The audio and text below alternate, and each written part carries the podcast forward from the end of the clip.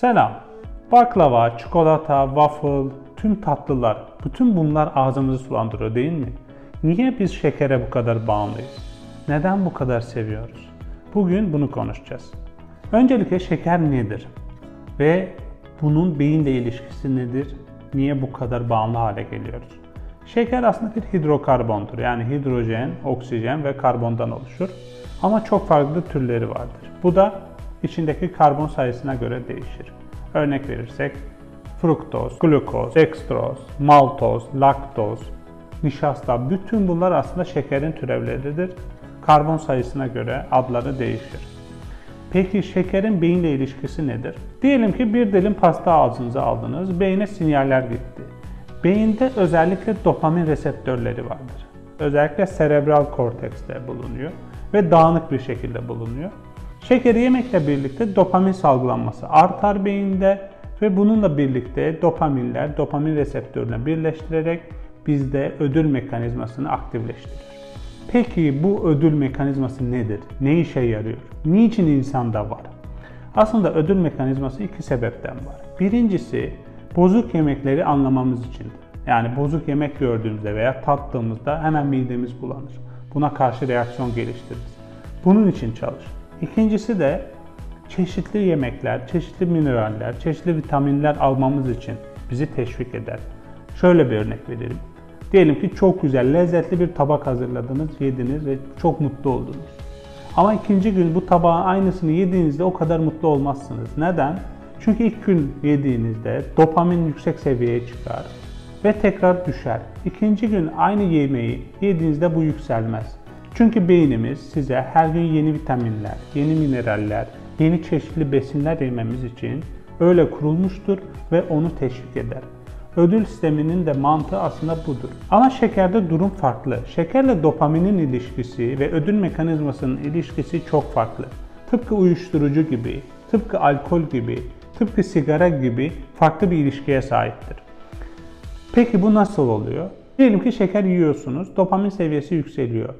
Diğer besinleri yediğinizde dopamin seviyesi düşüyordu ya, şeker de düşmez, yükselmeye devam eder. Ve bu neyi sağlar? Daha çok istek sağlar. Daha çok şeker istersiniz, canınız çeker, çok ihtiyaç duyarsınız. Bu dopaminin yükselmesiyle ilgilidir ve siz yedikçe dopamin yükselir, yükselir, yükselir. Belli bir noktadan sonra şeker toleransınız zayıflar. Bu ne demektir? Diğerleri için çok şekerli olan şeyler sizin için gayet normal hale gelir. Bu tamamen dopaminle ilişkilidir.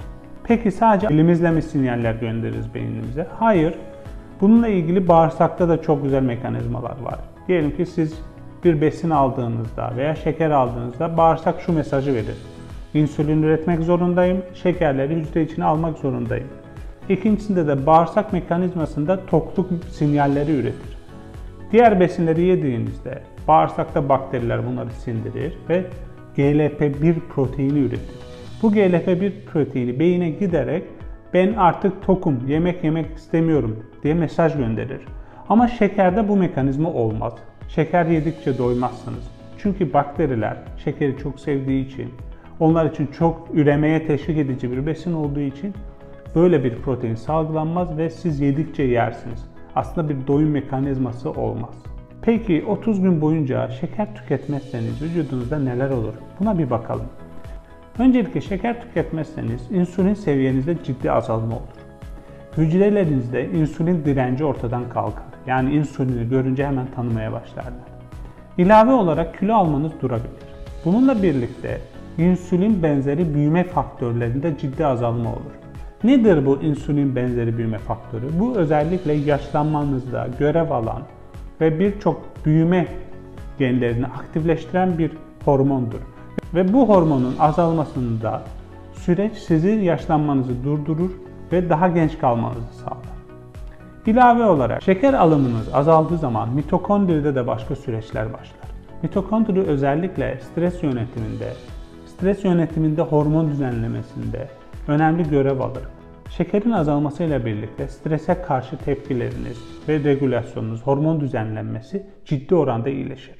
Bütün bunları topluca ele aldığımızda şeker tüketiminin azalması, sizin stres yönetiminizin doğru yönetilmesi, hormonların düzenlenmesi, sinyal ileticilerin yani sinir sisteminizin normal hale gelmesi, iştahınızın düzenlenmesi, bununla birlikte insülin direncinizin, İnsülin bənzəri böyümə faktorunda azalması ilə birlikdə həm genetik, həm hücrəsəl düzeydə ciddi fayda sağlayacaq.